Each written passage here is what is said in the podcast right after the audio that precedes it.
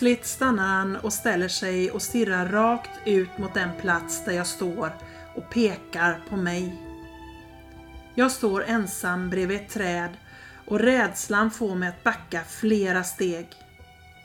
Men han vinkar att jag ska komma. Han ser rädd och ganska bestämd ut och det vilda raseriet är borta. Han står alldeles still nu. Bredvid honom inne i vagnen ser jag två andar. En liten dam och en uniformsklädd polis som är klädd ungefär som polisen var klädd på 70-talet när jag var liten. På något vis så får andarna mig att ta ett steg närmare och då känner jag den välbekanta puffen i ryggen.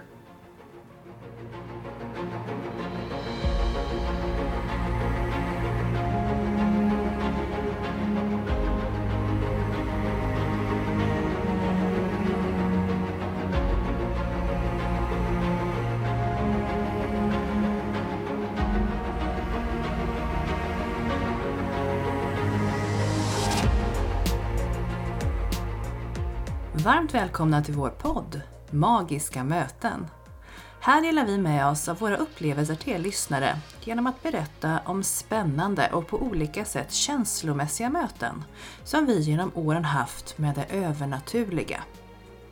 Sedan man var liten har man fått lära sig att sanningen endast kan bevisas genom fysisk existens. Men i den här podden släpper vi logiken och låter känslorna och intuitionen leda oss rätt. Vi heter Caroline och Mikaela och ska ta med er på vår resa in i det okända. Nu börjar Magiska möten.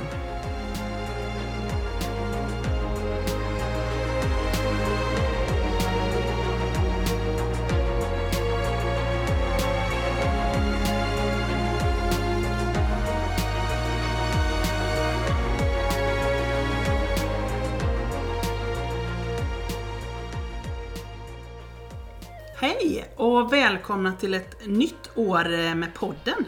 Det har ju hunnit bli 2023 nu. Nu börjar vi komma på banan igen och har därför tänkt att vi ska podda lite.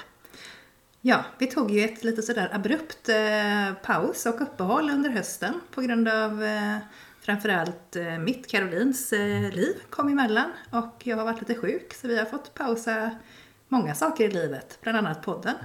Men nu känner vi att Eh, med det nya året att nu är det läge att ge sig ut igen. Så att nu är vi redo att släppa några fler poddavsnitt. Idag så kommer Mikaela att bjuda er på ett eh, extraordinärt avsnitt får man väl ändå säga när du som vanligt Mikaela åker tåg. Du har många tåghistorier att dela med dig av. Jag åker ju mycket tåg och det är det det handlar om tror jag. och det är då det händer tydligen. Och det är då det händer. Tåg har, och du har en dragningskraft, att då, då sker mycket spektakulära upplevelser för dig. Eh, Det här var ju inte bara eh, en andlig eller övernaturlig upplevelse, även om det finns många saker i storyn som ändå tyder på aktivitet. Men det här är en, en historia tagen från det verkliga livet. Ja, precis. Det är ju så att eh, man är ju den människan man är oavsett vad man drabbas utav.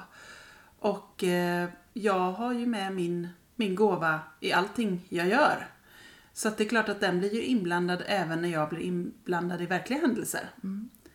Jo, men det är klart att det man bär med sig det, det finns ju med även när det händer händelser som är svåra att hantera. Och i det här fallet så fick du ta en ganska viktig och avgörande roll för att eh, saker och ting skulle lägga sig lite grann. Ja, alltså det är ju svårt att spekulera i, i efterhand om vad min roll egentligen var. Hur det hade varit om jag inte hade varit med, det vet man ju aldrig. Men eftersom jag var med i den här händelsen så fick jag ett uppdrag att eh, försöka kommunicera även när det var svårt.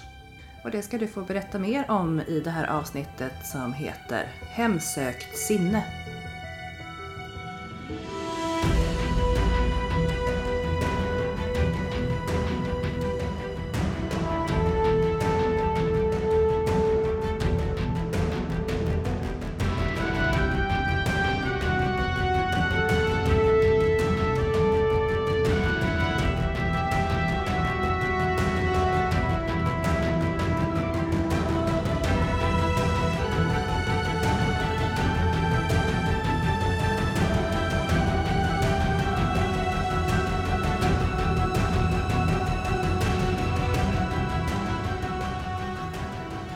Jag är på väg hem från skolan sista året på gymnasiet och pendlar med tåg eller buss varje dag.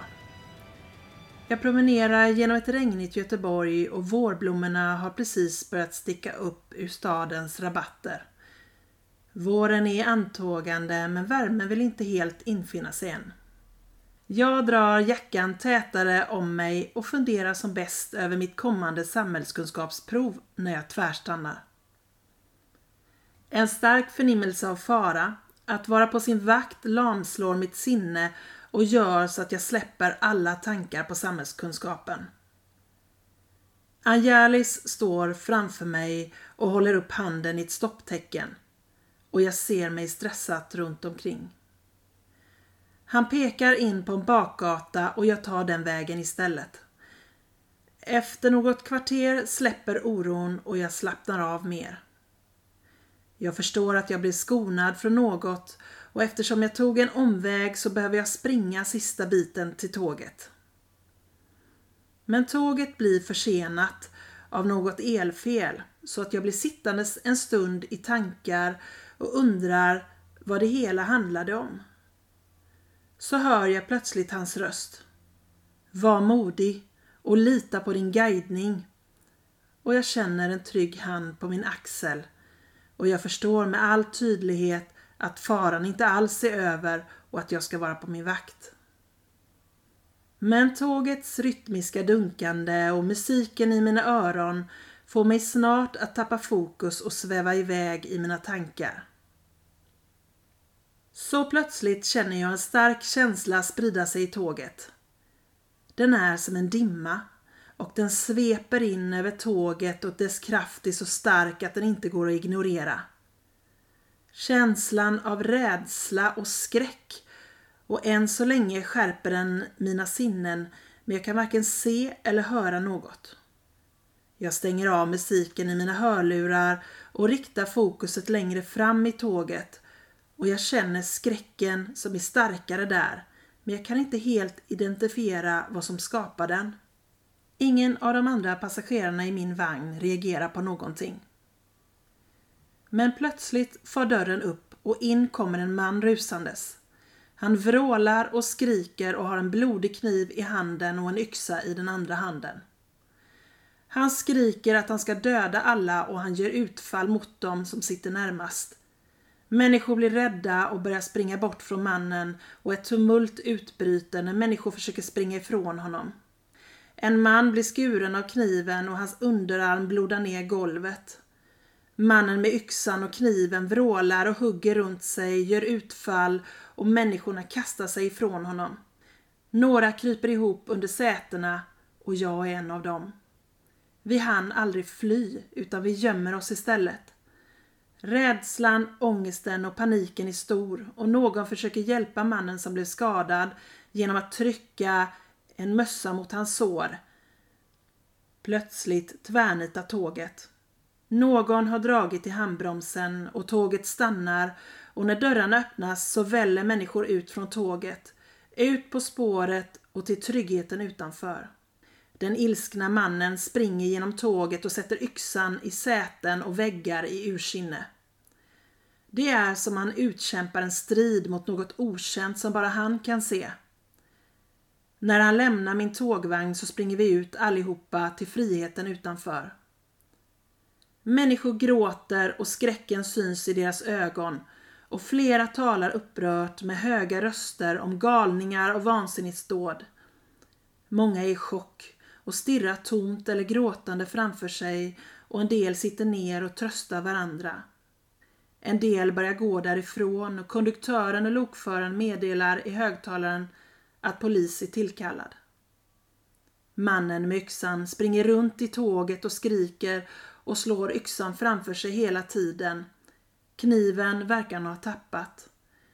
Dörrarna till tåget är stängda så att han inte ska kunna komma ut och skada fler människor men alla ser hans framfart i tåget. Plötsligt stannar han och ställer sig och stirrar rakt ut mot den plats där jag står och pekar på mig. Jag står ensam bredvid ett träd och rädslan får mig att backa flera steg. Men han vinkar att jag ska komma Han ser rädd och ganska bestämd ut och det vilda raseriet är borta. Han står alldeles still nu.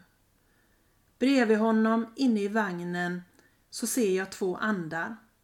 En liten dam och en uniformsklädd polis som är klädd som polisen var klädd på 70-talet när jag var liten. På något vis så får andarna mig att ta ett steg närmare och då känner jag den välbekanta puffen i ryggen. Mina tankar rusar vilt. Vad kan jag göra i den här situationen? Och min nästa tanke är att jag vill inte dö. Men puffen i ryggen är mer bestämd nu. Rädd och skakig går jag närmare tåget och vagnen där mannen står och tittar mot mig. Både polisen och damen från andevärlden vinkar till mig att närma mig och jag går tills jag är en meter från tågets dörr. Konduktören säger åt mig att inte gå närmare och inifrån vagnen så hör jag mannen. Jag är lugn nu. Jag vill bara prata och det hörs att han gråter. Konduktören svarar honom att han får prata med polisen när de kommer och han replikerar att han vill prata med någon som förstår. Så vi börjar prata genom dörren lite försiktigt först. Vad säger man till en livsfarlig människa? Och varför ska just jag göra det, tänker jag. Men så kommer orden liksom av sig själv. Hur mår du? Vad är det som har hänt? Och hur kan jag hjälpa dig? Ju mer vi pratar desto lugnare blir mannen. Han gråter och ibland blir rösten gäll och upprörd.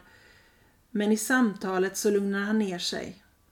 Andarna står tätt intill honom och håller om honom och han säger Jag känner att de är här. Kan du se dem? Jag svarar och jag berättar vad andarna förmedlar och han blir lugnare. Polisen är hans farbror som gick bort för några år sedan och damen är hans farmor. Jag hör dem bara, jag ser dem inte, säger han.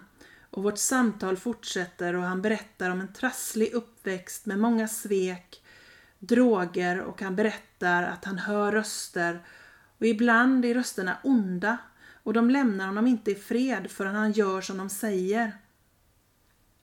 Under vårt samtal så anländer två poliser och vid första anblicken så ser de ut att vara, ja, inte mycket äldre än mig själv. Och de känns lika rädda och oroliga som precis alla andra här. De vill att jag ska fortsätta prata med mannen tills det kommer fler poliser. Så länge vi pratar är mannen lugn och djupt ångerfull och det syns att han mår riktigt dåligt. Han frågar efter mitt namn och han säger jag heter Andreas. Jag förstår att hans känslighet och öppenhet mot det okända i kombination med det livet han levt och en psykisk ohälsa gör att han har hamnat i den här situationen. Och jag ser och hör hur han lider över vad han har gjort och hur han har agerat. När de övriga poliserna anländer så anländer även bussar för att ta passagerarna vidare och från platsen. Jag känner att jag måste gå för att inte missa bussen och Andreas ropar Tack för att du finns efter mig när jag går mot bussen. Det hela är så sorgligt och tragiskt att jag känner mig trasig och skör i flera dagar efteråt. Många gånger under de kommande åren ska jag tänka på den unga mannen på tåget som så tragiskt satte skräck i ett helt tåg med passagerare och ofta tänker jag att det är så lätt att döma, att bara se en vinkel av en händelse. Jag är glad för de fina orden som han skickade med mig på vägen och tacksam att han i sin svåraste stund ville dela sina tankar och sin rädsla med mig. Jag hoppas att han finns där ute någonstans, frisk och kry och att han har fått den hjälp och det stöd som han så väl behövde och att hans dåd inte lämnade värre skador än de faktiskt gjorde. Ingen blev ju allvarligt skadad och alla kom hem till sina familjer. Jag tänker även på de poliser som kom till en plats av panik och skräck och hur de gör sitt jobb med de förutsättningarna dag efter dag, vilket är djupt beundransvärt. Jag är även tacksam för det otroliga stöd som jag har i det okända och hur de beskyddar mig i svåra situationer och hjälper mig genom livets skuggsidor. Men jag inser också att för en del blir det okända en alltför tung börda att bära och att de går vilse mellan världarna. Att arbeta med det okända ska vara en glädje och en trygg plats och inte kantas av mörker och ångest. Den kärleken, glädjen och tryggheten som jag känner i mitt arbete med det okända och alla de positiva minnena och mötena som jag har och kommer att få, de inspirerar mig och min livsresa. Mötet med Andreas fick mig att värdesätta mitt eget liv och gav mig en otrolig tacksamhet för att jag vågade sträcka ut en hand till en människa i nöd och sätta min egen rädsla åt sidan en stund. Och jag hoppas att vi möts någon gång under bättre förutsättningar så att jag kan skicka med honom samma fina ord. Tack för att du finns.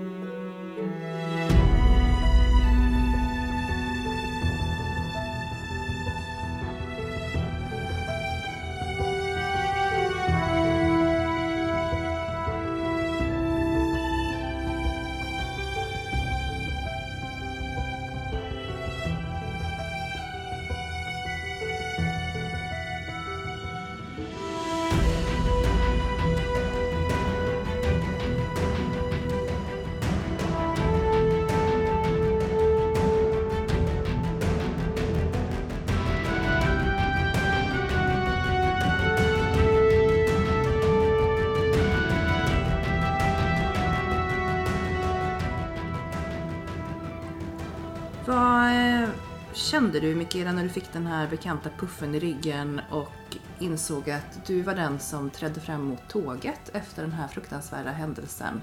Människor i panik, i skräck, står utanför tåget och du är den som börjar röra dig mot tåget.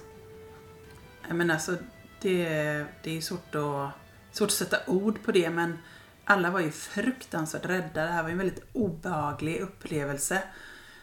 Och alla människor, inklusive jag, fruktade ju för vårt liv. Vi trodde ju att det skulle gå riktigt illa det här. Nu, nu var det ju tur att det inte gjorde det. Att ingen blev speciellt allvarligt skadad eller att någon fick någon, ja, några men på det sättet utav det. Men eh, jag var jätterädd. Jag ville inte alls och jag var inte ett dugg sugen på att göra någon form av uppdrag eller, eller lyda mina guider eller prata med andevärlden eller någonting. Jag, jag var lika paralyserad av skräck som precis alla andra i den här situationen. Så att jag kände ju inte att det här eh, var min grej överhuvudtaget. Nej. Det får professionella människor sköta. Det var jag helt övertygad om att det här är ingenting för mig. Så när han då ställer sig och tittar på mig och vinkar och jag ser de här andarna bredvid och eh, som också står och vinkar mot mig att jag ska komma. Och jag bara känner att nej, det gör jag inte. Och jag backar ju för jag bara känner, och jag står ju jag står ju ganska ensam precis just där jag står. Så det är ju ingen tvekan för någon om vem det är han pekar på. Eh, och inte för mig heller, för jag har liksom ett träd bakom mig. Jag har ingenting annat och det står inga människor precis runt omkring mig. Varför tror du han pekar på just dig då? Nej men det var ju för att han eh, såg att jag kunde se saker som han också såg. Även om han såg väldigt mycket mm, annorlunda saker än vad jag såg också. Så, ehm, så hade han ju någon form av förmåga, absolut. Eh, Som där han hade gått vilse i den, tänker jag. Och det tänker jag att det kan vi återkomma lite grann till det här med att gå vilse i sin förmåga och vi har ju också döpt det här avsnittet till hemsökt sinne. Att det fanns ju vissa komplikationer i hans förmåga som gjorde att eh, han hade svårt att hantera det. Men eh, känslan när du först sitter på tåget, när du dessutom tidigare har fått lite varsel på vägen mot tåget innan du ens går på att ta omvägar och sedan när du väl är på tåget så känner du den här känslan som bara sköljer över hela tågvagnen innan du märker att någon annan påverkas och innan mannen stormar in i din vagn. Hur upplevde du det? Nej men första som händer är ju att jag kommer gåendes på en gata och helt plötsligt står Angelis bara framför mig och gör ett stopptecken.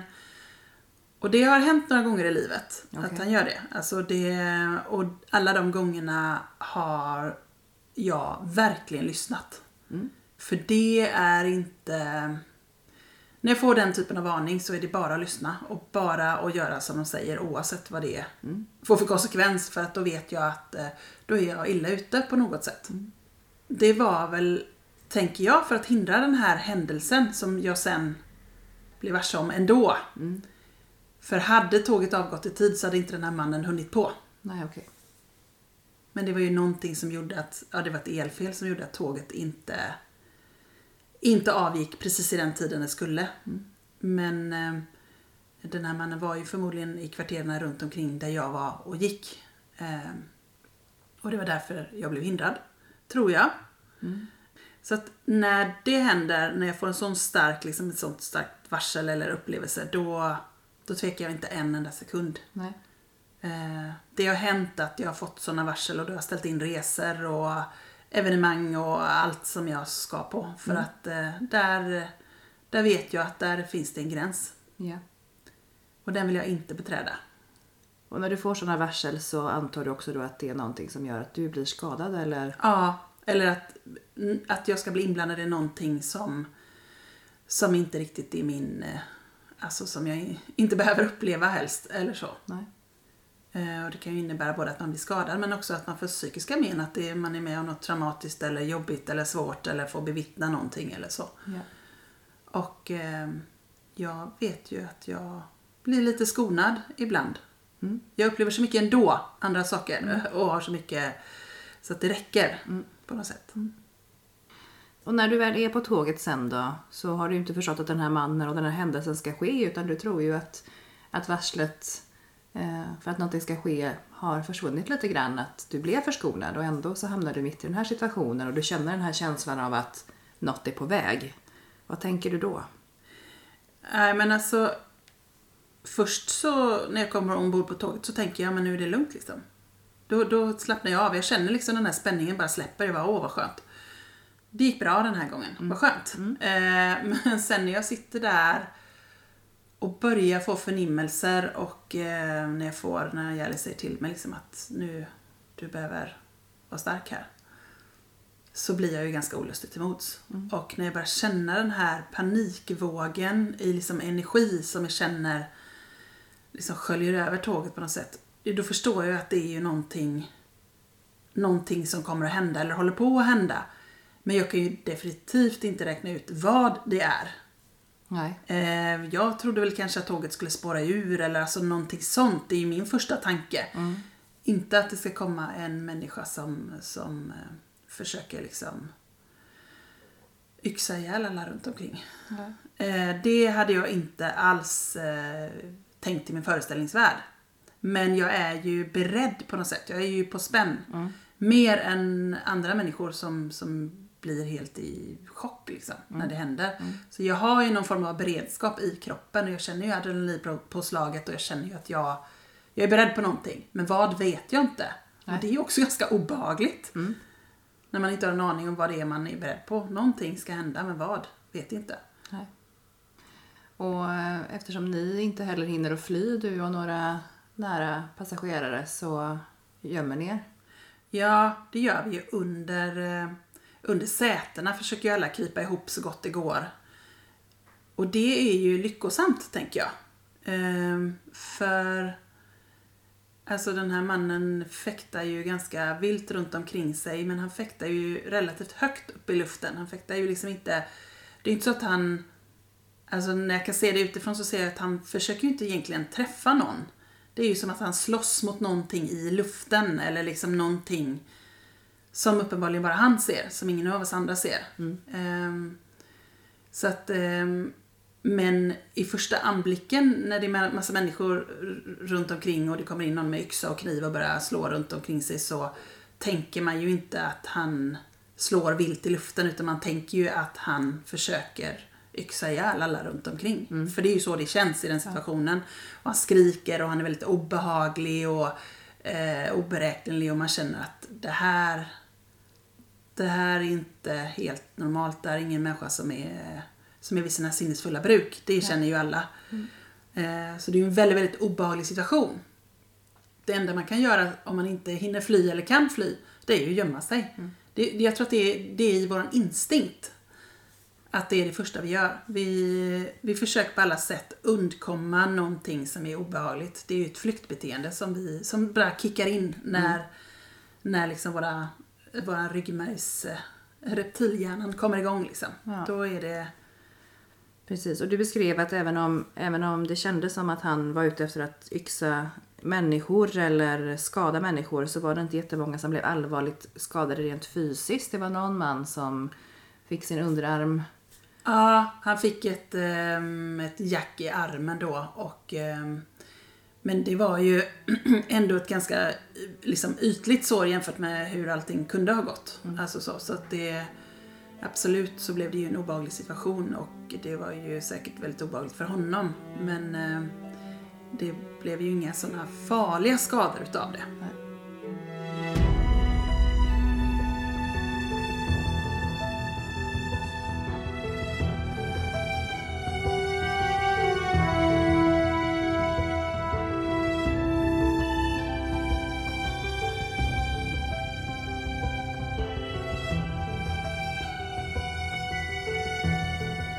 när du ser på den här berättelsen i efterhand så beskrev du ju att det känns som att mannen inte egentligen hade uppsåt att skada människor utan han såg ut som att han nästan fäktades mot något som inte andra kunde se, att han förde en kamp mot någonting i luften. Och när han väl hade lugnat ner sig och du tog stegen fram emot honom och er konversation startade, kunde du någonstans där förstå och se varför han agerade som han gjorde? Jo, men det kunde jag absolut förstå.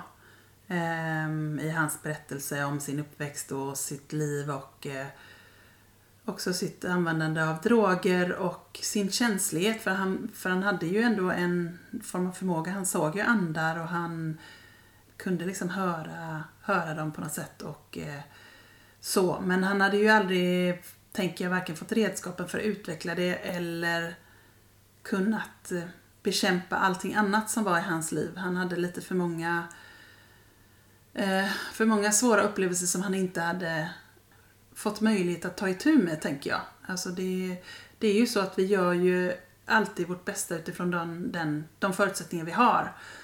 Och alla människor får inte så mycket förutsättningar som de behöver i livet. Nej. Och då eh, kan det där bli en ganska lurig balansgång. Men hur upplevde du utifrån ert korta möte att hans förmåga yttrade sig? Det var ju mer som han berättade, eh, att han kunde se och känna sina, sina anhöriga som stod bredvid honom. Han, han kände ju dem. Och jag upplevde ju också att den här eh, polisen som var hans farbror, att han verkligen försökte lugna ner honom och så. Jag kunde ju även se att han, han försökte lyssna efter de här rösterna. Men han berättar ju också, och jag tänker att det handlar ju också om, om droger och psykoser till det. Ehm, att han såg väldigt mycket annat eh, som jag inte upplever är andligt utan som jag faktiskt upplever är hallucinationer eller sådana saker. Så allt blev ju liksom ett sammelsurium utav eh, droghallucinationer och han var öppen och medial och hade det väldigt trassligt och eh, mådde väldigt, väldigt dåligt. Psykisk ohälsa är ju någonting som man behöver ofta få hjälp med för att man ska kunna få bukt med. Och har man då väldigt stora, svåra traumatiska upplevelser i bagaget så är det inte så himla lätt att eh, vända på den trenden själv. Nej. Och då blir ju en sån här typ av gåva, det blir ju en riktig förbannelse då, tänker jag. Ja, för den yttrar sig ju väldigt negativt i det här eh, sammanhanget. Ja, för den här unge mannen kan ju inte skilja på verkligheten, eh, den spirituella gåvan eller hallucinationer. Utan allt är ju bara en overklighet på något sätt. Och en enda röra. Och en enda röra. Så han upplever ju inte verkligheten på samma sätt som vi upplever den. Eh, och jag kan ju uppleva att i min gåva som jag har att jag inte heller upplever verkligheten alltid helt som alla andra gör. Men eh, jag har en väldigt eh, tydlig skiljelinje vad som är vad. Som är vad. Mm. Jag kan verkligen se den skiljelinjen. Har man inte det, då balanserar man lite grann på en avgrund upplever jag. Eh, att ha en, eh, en, en psykisk ohälsa i kombination med den här typen utav andliga upplevelser kan faktiskt vara en... eh, Alltså man kan ramla ner i den avgrunden då. Det kan vara svårt. Och jag vet ju att det finns medier som, som jag ändå upplevt har varit liksom några av de duktigaste, bästa medierna som jag har träffat på. Som helt totalt har bränt ut sig. Alltså de, de, till slut så, så går världen ihop så pass mycket så att det är jättesvårt att skilja vad som är vad. Så att gränsen mellan att vara, ha ett väldigt öppet sinne och eh, vara medial till galenskap, den är, det är en hårfin gräns ibland. Så därför är det så viktigt att man är så jordad och eh, har så väldigt bra koll på sig själv och vem man själv är och vad man har för världsbild och runt omkring det. Eh, för det är lätt att gå vilse om man inte har någon form av trygghet i sig själv. Och jag vet ju också att det har ju hänt att jag har blivit sjuk, alltså har fått 40 graders feber och varit jätte, jättesjuk. Och då kan jag ha svårare för att skilja på vad som är vad. Då blir ju allting en, som ett virvar. Så att jag kan förstå hans känsla som han ändå hade. Jag, jag kan liksom...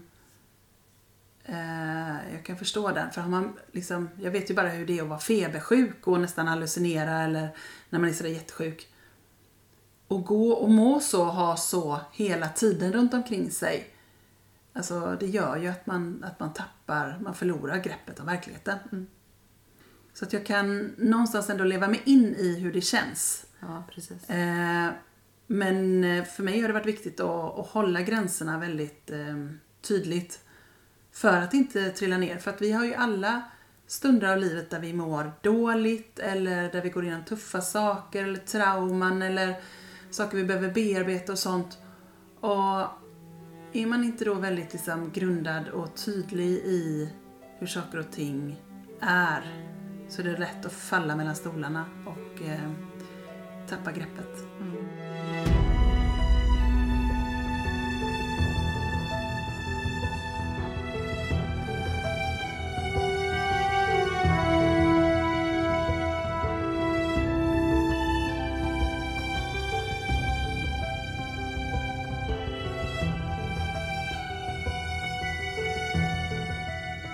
Och det var ju tydligt utifrån din berättelse och när ni sedan möts du och Andreas och han försöker att berätta och förklara för dig hur han har det och han vill ju också kunna prata med någon som förstår honom vilket du uppenbarligen kunde göra på ett plan. Även om inte du var alls i närheten av hans eh, sammelsurium men du hade ändå en förståelse för att han hade det svårt att skilja på de här världarna bland annat.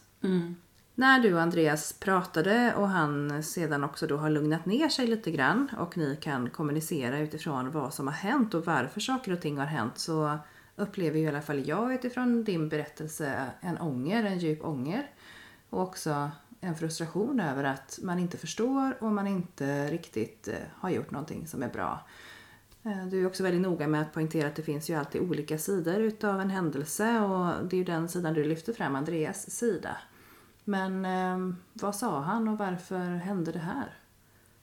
Hans upplevelse var ju att det var någonting farligt som han försökte egentligen beskydda alla andra från.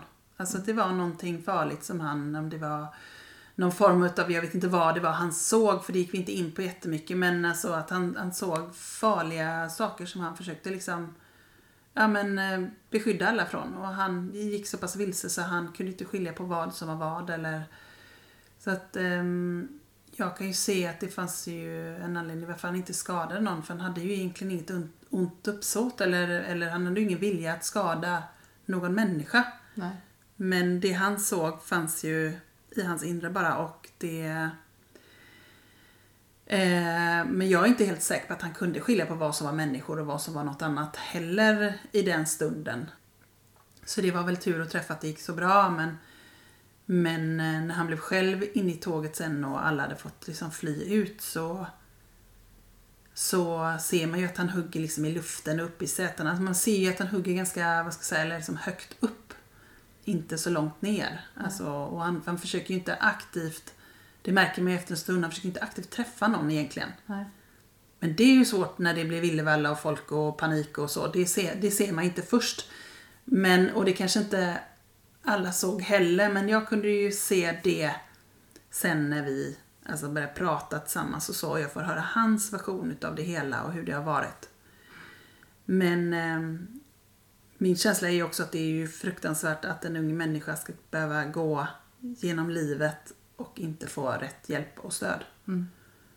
Eh, och fastna liksom i, i någon form av limbo. Mm. Eh, Har du hört någonting ifrån honom eller träffat honom efter den här händelsen så du vet hur det har gått för honom? nej, jag har aldrig gjort det. Och eh, jag hoppas bara att det har gått bra för honom, att han har fått ett vanligt liv och att han har kunnat eh, bearbeta all trauman han har gått igenom och alla saker och att han har fått stöd liksom i tillvaron. Mm. För eh, det är ju så, men vi ser ju saker och ting från olika vinklar beroende på vad... Alltså man är ju alltid sig själv närmast. Så man är ju alltid mest uppe i sig själv. Men när man möter någon annan som, eh, där man får dela dens historia, det är då man börjar vidga sitt perspektiv på sin egna eh, fördomar och sånt också. Det är också viktigt att man lyfter det för att alla går vi runt med fördomar hur, hur fördomsfria vän tycker att vi är. Så har man ju alltid någon fördom. För man grundar ju det på saker och ting man själv har upplevt eller sett eller varit i sammanhang med. Eh, vi har ju bara vår egen ryggsäck med oss. Men genom att eh, prata med andra så får vi ju en bredare världsbild. Och förstår också att ju mer vi förstår desto mindre har vi förstått på något sätt. Mm. Så det är så lätt att döma i sådana här situationer, man bara ser den ensidigt. Och jag tänker att det är väl det som man, man gör när man dessutom är i en situation som är hotfull och, och farlig och där man flyr för sitt eget liv. Jag tänker de andra människorna som var med om händelsen tillsammans med dig flyr tåget och sedan börjar du gå mot igen. Det är många som också ropar åt dig att låta bli. Ja, absolut. Eh, och när jag kommer fram, och, men alla ser ju att, att han pekar mot mig och, och vinkar och typ så. Eh, och han står inne och ropar också. Men konduktören öppnar ju inte dörrarna. Eh, och det tänker jag är jätteklokt att han inte gör. För när jag närmar mig det tåget så är det ju ingen som vet vad, vad, det, här, vad det här kommer hända eller vad kommer det här bli utav det här. Men eh, vi börjar ett samtal och, och jag minns ju att jag tänker, men herregud. Alltså, jag går på gymnasiet. Vad ska jag göra åt det här? Alltså det måste ju finnas människor här som är mycket, mycket mer lämpade för att göra den här typen av samtal. Jag har ingen sån här utbildning i det här eller vet någonting eller, eller kan någonting. Jag är bara människa. Jag, alltså jag kände mig väldigt liksom utsatt även i den situationen. Men fick du mycket guidning och stöd i samtalet av dina guider eller fick du lösa det på egen hand? Nej men jag tror att jag fick jättemycket stöd men just då så var jag så pass rädd och eh, uppriven så att jag hade väldigt svårt att eh, liksom, kanske ta emot någon form av guidning eller, eller förstå. Men, men när jag kommer fram så ser jag ju en oerhört ledsen ung människa som inte är mycket äldre än mig själv. Eh, och någonstans där så vaknar ju någon form av känsla i en att eh, oj då. Eh, hur mår du? Alltså det blir så naturligt och, eh, och, och känna en medkänsla för någon annan när man ser att någon inte mår bra och att, alltså, oavsett vad som har hänt eller hur det har sett ut så försöker man ju som hitta en, en väg in till den här människan som är i så pass djup ångest och sorg och någonstans så så kan man liksom inte vara rädd längre på något sätt eller man måste jag vet inte, jag, det, det gick av sig själv på något sätt. Och det har jag upplevt i andra tillfällen i livet också att nej men, alltså, jag jobbar ju med döden varje dag kan man säga. Men jag tycker fortfarande det är jättesvårt att veta vad ska man säga till någon som har förlorat sin bästa vän eller nära anhörig eller någonting. Jag beklagar, det känns ju väldigt eh, fånigt. Det, det är alltid svårt tycker jag att veta vad ska man säga och säger man rätt sak i rätt tillfälle och så. Jag är alltid osäker på det. Mm. Tänker alltid efteråt, nej men herregud vad sa jag? Var det rätt? Fast det kanske är bättre att säga någonting än att inte säga någonting alls. Oavsett om det blir rätt eller fel. Så tror jag. Så tror jag också. Och, eh, och jag kan tänka på Alltså sådär när, när någon skriver på Facebook eller på sociala medier någonting att någon har gått bort eller att man har haft något tufft eller så. Och folk bara gör ett litet hjärta i kommentarsfältet. Jag tycker att det är rätt så trevligt. Det visar jag bryr mig, jag tänker på dig. Men jag vet egentligen inte riktigt vad jag ska säga. Men jag vill visa, jag vill visa min omtanke. Mm. Jag tycker det är ganska fint. Mm. Och jag tycker det kan räcka många gånger. Men eh, för mig, jag har ingen sån här liksom självklar plan vad jag säger i olika tillfällen eller, eller så. Jag, jag kan tycka att det är svårt. Fortfarande, mm. efter så här många år, så tycker jag att det är jättesvårt. Och då jobbar jag ändå med det hela tiden. Mm. så, någonstans så tänker jag att det finns liksom inga givna spelregler för sådana här händelser. Och det jag upplevde i den här händelsen var ju att jag började prata med Andreas och han lugnade ner sig och ibland var han lite upprörd och sådär och vi pratade om, ja, om livet och om allt som han hade gått igenom och hur han mådde och så. Och när de här poliserna kommer till platsen, det kommer ju två poliser först. De är ju inte heller speciellt mycket äldre än mig. Nej. Och de och kanske också... inte än Andreas heller då. Nej. Och de är ju också rädda. Alltså man ser ju att de tar på sig sin roll och att de är professionella och duktiga och försöker hantera situationen. Men jag känner ju på något sätt som att vi alla är barn på ett öppet hav. Mm. Alla, alla som är rädda, som står och gråter och mår dåligt. På, och, och, och den här unga mannen som sitter där och mår också jättedåligt. Och alla som, som liksom är ombord på tåget, på lokföraren och, och konduktören och de här två poliserna som kommer. Det är som att man bara vill att någon annan ska lösa det. Kan inte komma någon vuxen snart? Alltså mm. den känslan har man ju i sig. Man blir ju så liten. Eh, och även om jag var väldigt ung då så så bara nej men det var bara att ta de första orden och sen fick det landa vart det landa. Mm.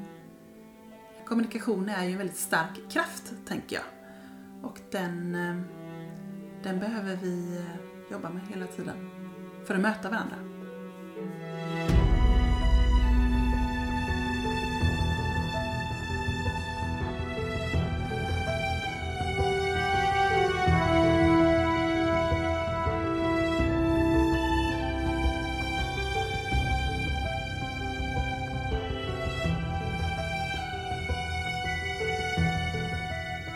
Men om man tänker utifrån att eh, kommunikation är ett väldigt starkt verktyg och att eh, man eh, väl till mans mår mer eller mindre bra i livet i perioder och olika dagar så är ju frågan också hur villig man är att prata om det eller kommunicera och vad som faktiskt kan genereras om man tar sig tid och kraft att göra det.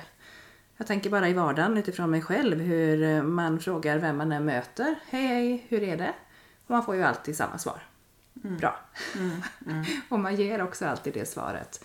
För att det är en artighetsfras. Men om man hade frågat för att veta och om man hade svarat ärligt och tagit utifrån det så är ju kommunikationen eh, någonting som, som gör att man kan må bättre utan att göra någonting annat än att bara prata om faktiskt hur man känner. Ja, och jag tänker att det kan också få ens omgivning att vara bättre om jag säger liksom att Nej, men jag har en ganska dålig dag idag, jag är lite låg liksom. Då vet alla om det. Då blir det liksom ingen som tar det på sig. Undrar om det var mitt fel att hon var så som hon var idag. Alltså så. Mm. Så jag tänker att det är ju inte bara bra för mig att lära mig sätta ord på mina känslor, hur jag känner och hur jag mår. Men det är ju också skönt för min omgivning att inte behöva ta på sig skuld för någonting som inte är deras skuld. Mm. För det är vi väldigt bra på, att ta på skuld. Åh, sa jag något fel? Blev det något tokigt? Nu gjorde nog jag så hon blev ledsen. Fast man kanske ändå är ledsen ändå. Mm. Alltså, så någonstans så tänker jag att det är inte bara för vår egen skull som vi behöver lära oss eller kommunicera. Utan det är även för andras skull. Var ärlig med sitt mående, hur man mår och hur man har det. Jag tänker den psykiska ohälsan är oerhört stor i, i landet och blir större för unga unga vuxna och unga människor och barn. Att våga prata om det. Att man har en psykisk ohälsa, att man inte mår bra alltid, att man kan vara deprimerad. Det har varit väldigt mycket locket på. Jag upplever att vi öppnar upp mer och mer för det. Att försöka kommunicera kring att vi inte alltid bara mår bra. Vi mår dåligt också. Och vad finns det för verktyg att använda när man mår dåligt och hur ska man ta sig ur det och eh, hur ska jag eh, hjälpa min omgivning att hantera mig när jag mår dåligt? Ja, precis. Och det är ju en sak att få de verktygen att kunna kommunicera och öppna upp och berätta. Men det är ju också en svårighet kan jag tycka att, att lyssna och ta emot och, och bejaka i vissa sammanhang. För när någon väl faktiskt säger nej, jag mår ganska dåligt idag. Vad, vad svarar man då? Där är man inte riktigt beredd på alltid i vardagen. Så där Nej. behöver man ju också jobba med att hitta vägar i att faktiskt ta emot och våga lyssna och orka lyssna. Ja, jag tänker att det är bra om man gör det, om man tar sig den tiden. För om någon säger att ah, nej, jag mår inte så bra idag, så behöver man ju fråga kan jag hjälpa dig? Eller eh, finns det något jag kan göra? Eller alltså, man behöver ju någonstans ställa en fråga till. Man kan ju inte springa vidare och säga ja, jag var bra, hej. Som man kanske gör i vanliga fall när man använder det som en, som en, liksom en hälsningsfras mer. Så att det där tänker jag är någonting vi behöver bli bättre på. Vi behöver träna på det där. Och det finns ju så många uttryckssätt i kommunikation. Man behöver ju inte heller alltid kommunicera med ord. Jag tänker på alla konstnärer, alla musiker. Alltså vi kan ju bli så oerhört berörda utav musik eller utav konst eller Alltså det finns så många olika sätt att kommunicera ut det man har i sitt inre. För alla är inte ord den lättaste vägen. Det är en ganska svår väg. Det är en ganska svår väg och jag tänker att det är någonting man behöver lära sig från man är liten. Att kommunicera sina känslor, att sätta ord på sina känslor och att få lov att ha känslor. Jag tror att under lång tid så har vi inte haft ett känslofokus. Utan vi har haft fokus på allting annat, på överlevnad och sådana saker. Och eh, när väl känslorna får komma i fokus så tar det liksom lite tid för världen att eh, kunna kunna lära sig att, eh, att det är viktigt att man uttrycker sin känsla. Men även för sig själv. Jag menar, det är ju vanligt att man ljuger för sig själv och bara, nej men det är bra, det är bra. Och sen en dag så bara rasar man ihop och mår jättedåligt. Och tänker, fan det var ju bra igår. Vad, är, vad är problemet? Eh, så någonstans så tänker jag att det är viktigt liksom att stämma av med sig själv också. Men hur är det idag egentligen? Jo, men det är okej idag. Skönt. En bra dag. Nej, idag var det inte okej. Vad beror det på? Är det någonting jag kan göra för att det ska bli bättre? Eller är det bara en sån dag? För ibland är det ju så. Med hormoner och med livet och allt som händer. Att ibland har man bara en, en, en annan dag. Och det måste vara okej det också, tänker jag. Eh, någonstans har vi pratat mycket om det här med att älska sig själv. Och ehm, vi måste vara modiga nog att våga älska oss själva. Även de dagarna när vi inte är de människorna som vi önskar att vi är. Även när vi är svaga, små och känner så, så, som jag gjorde i den här berättelsen som små barn. Att kan det inte komma en vuxen snart och hjälpa oss bara? Eh, så måste vi få lov att känna så. Alltså tillåta sig själv att ha de känslorna. Det är okej att bli arg men det är inte okej att göra andra illa eller såra andra. Alltså någonstans så måste vi våga bejaka vad vi känner och eh, kunna älska oss för det. För de känslorna vi har. Mm. Och det handlar väl också om hur man, hur man tillåter andra att få lov att känna också. Jag som har två relativt små barn hemma. Det är också sådär att inte säga sluta gråta eller eh, försöka liksom trycka bort känslor som ändå finns. Utan istället fråga varför man gråter eller försöka hitta vägar i det. För det, det är man väl uppvuxen med själv att det, det är inte så noga. Utan nu torka tårarna och jobba på. Eller, eh, man får inte känna att man är sjuk utan man bara, man bara tuggar på. Vardagen ska rulla och jobbet ska vara Ja. i fokus och man ska vara duktig och man ska... Och det finns ju vissa vinster i det. Det, det ska vi inte komma ifrån. Eh, för att gå och känna efter alldeles för mycket, det mår man inte heller riktigt bra utav.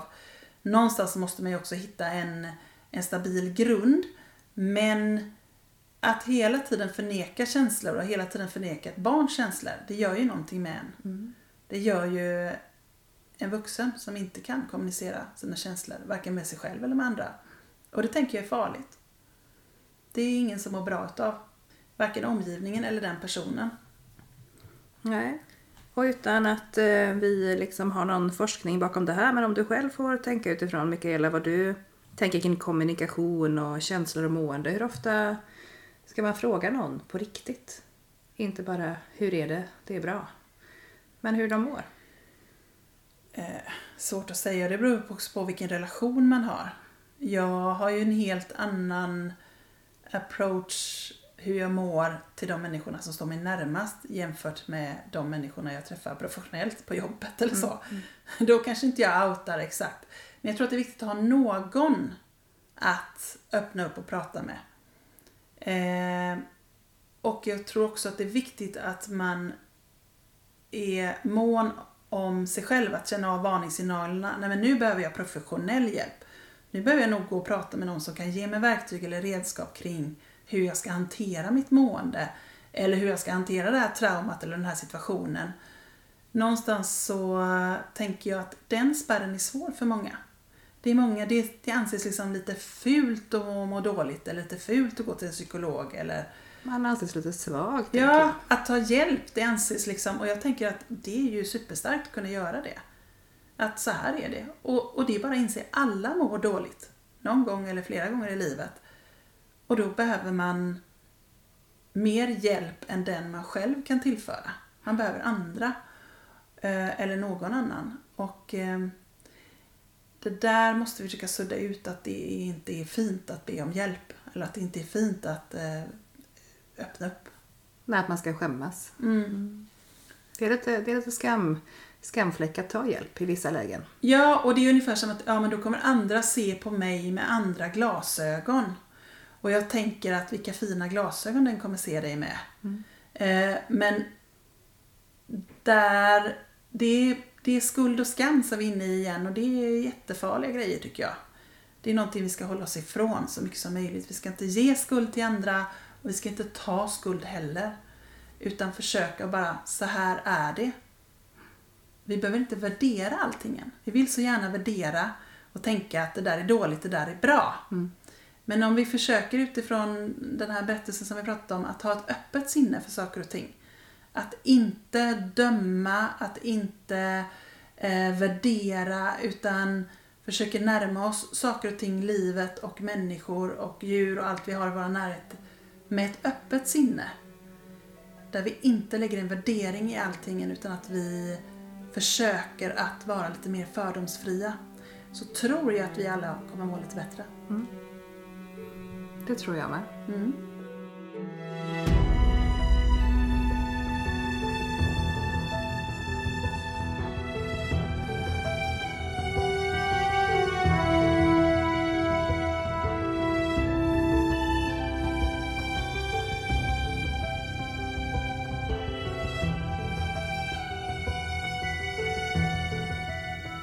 Mikaela har idag bjudit oss på ett eh, spännande, sorgligt och eh, lite speciellt avsnitt i eh, Hemsökt sinne och det börjar bli dags att avrunda för idag. Vi har ju hunnit att prata en del också om den här fina skiljelinjen mellan olika dimensioner och världar och hur man eh, ibland, och särskilt eh, vid psykisk ohälsa, har svårt att eh, hålla isär olika dimensioner. Och också psykisk ohälsa och hur man faktiskt i vardagen kan eh, tänka utifrån sig själv för att må lite bättre. Eller tillåta mm. sig att faktiskt må så som man gör. Absolut, och stötta andra i hur de kan jobba med kommunikationen på olika mm. sätt. Att försöka vara lite mer öppen för det som, eh, det som eh, vi delar allihopa. Ibland mår vi bra, ibland mår vi dåligt. Och det är okej okay, oavsett. Och det är okej okay, oavsett, ja precis. Ja. Och då tänker vi att eh, ni som lyssnar jättegärna får dela med er av vad ni tycker om avsnittet. Eh, ni hittar mer info om när nästa avsnitt kommer på Instagramsidan podden Magiska möten. Och med det så säger vi tack för att ni har lyssnat. Tack så mycket!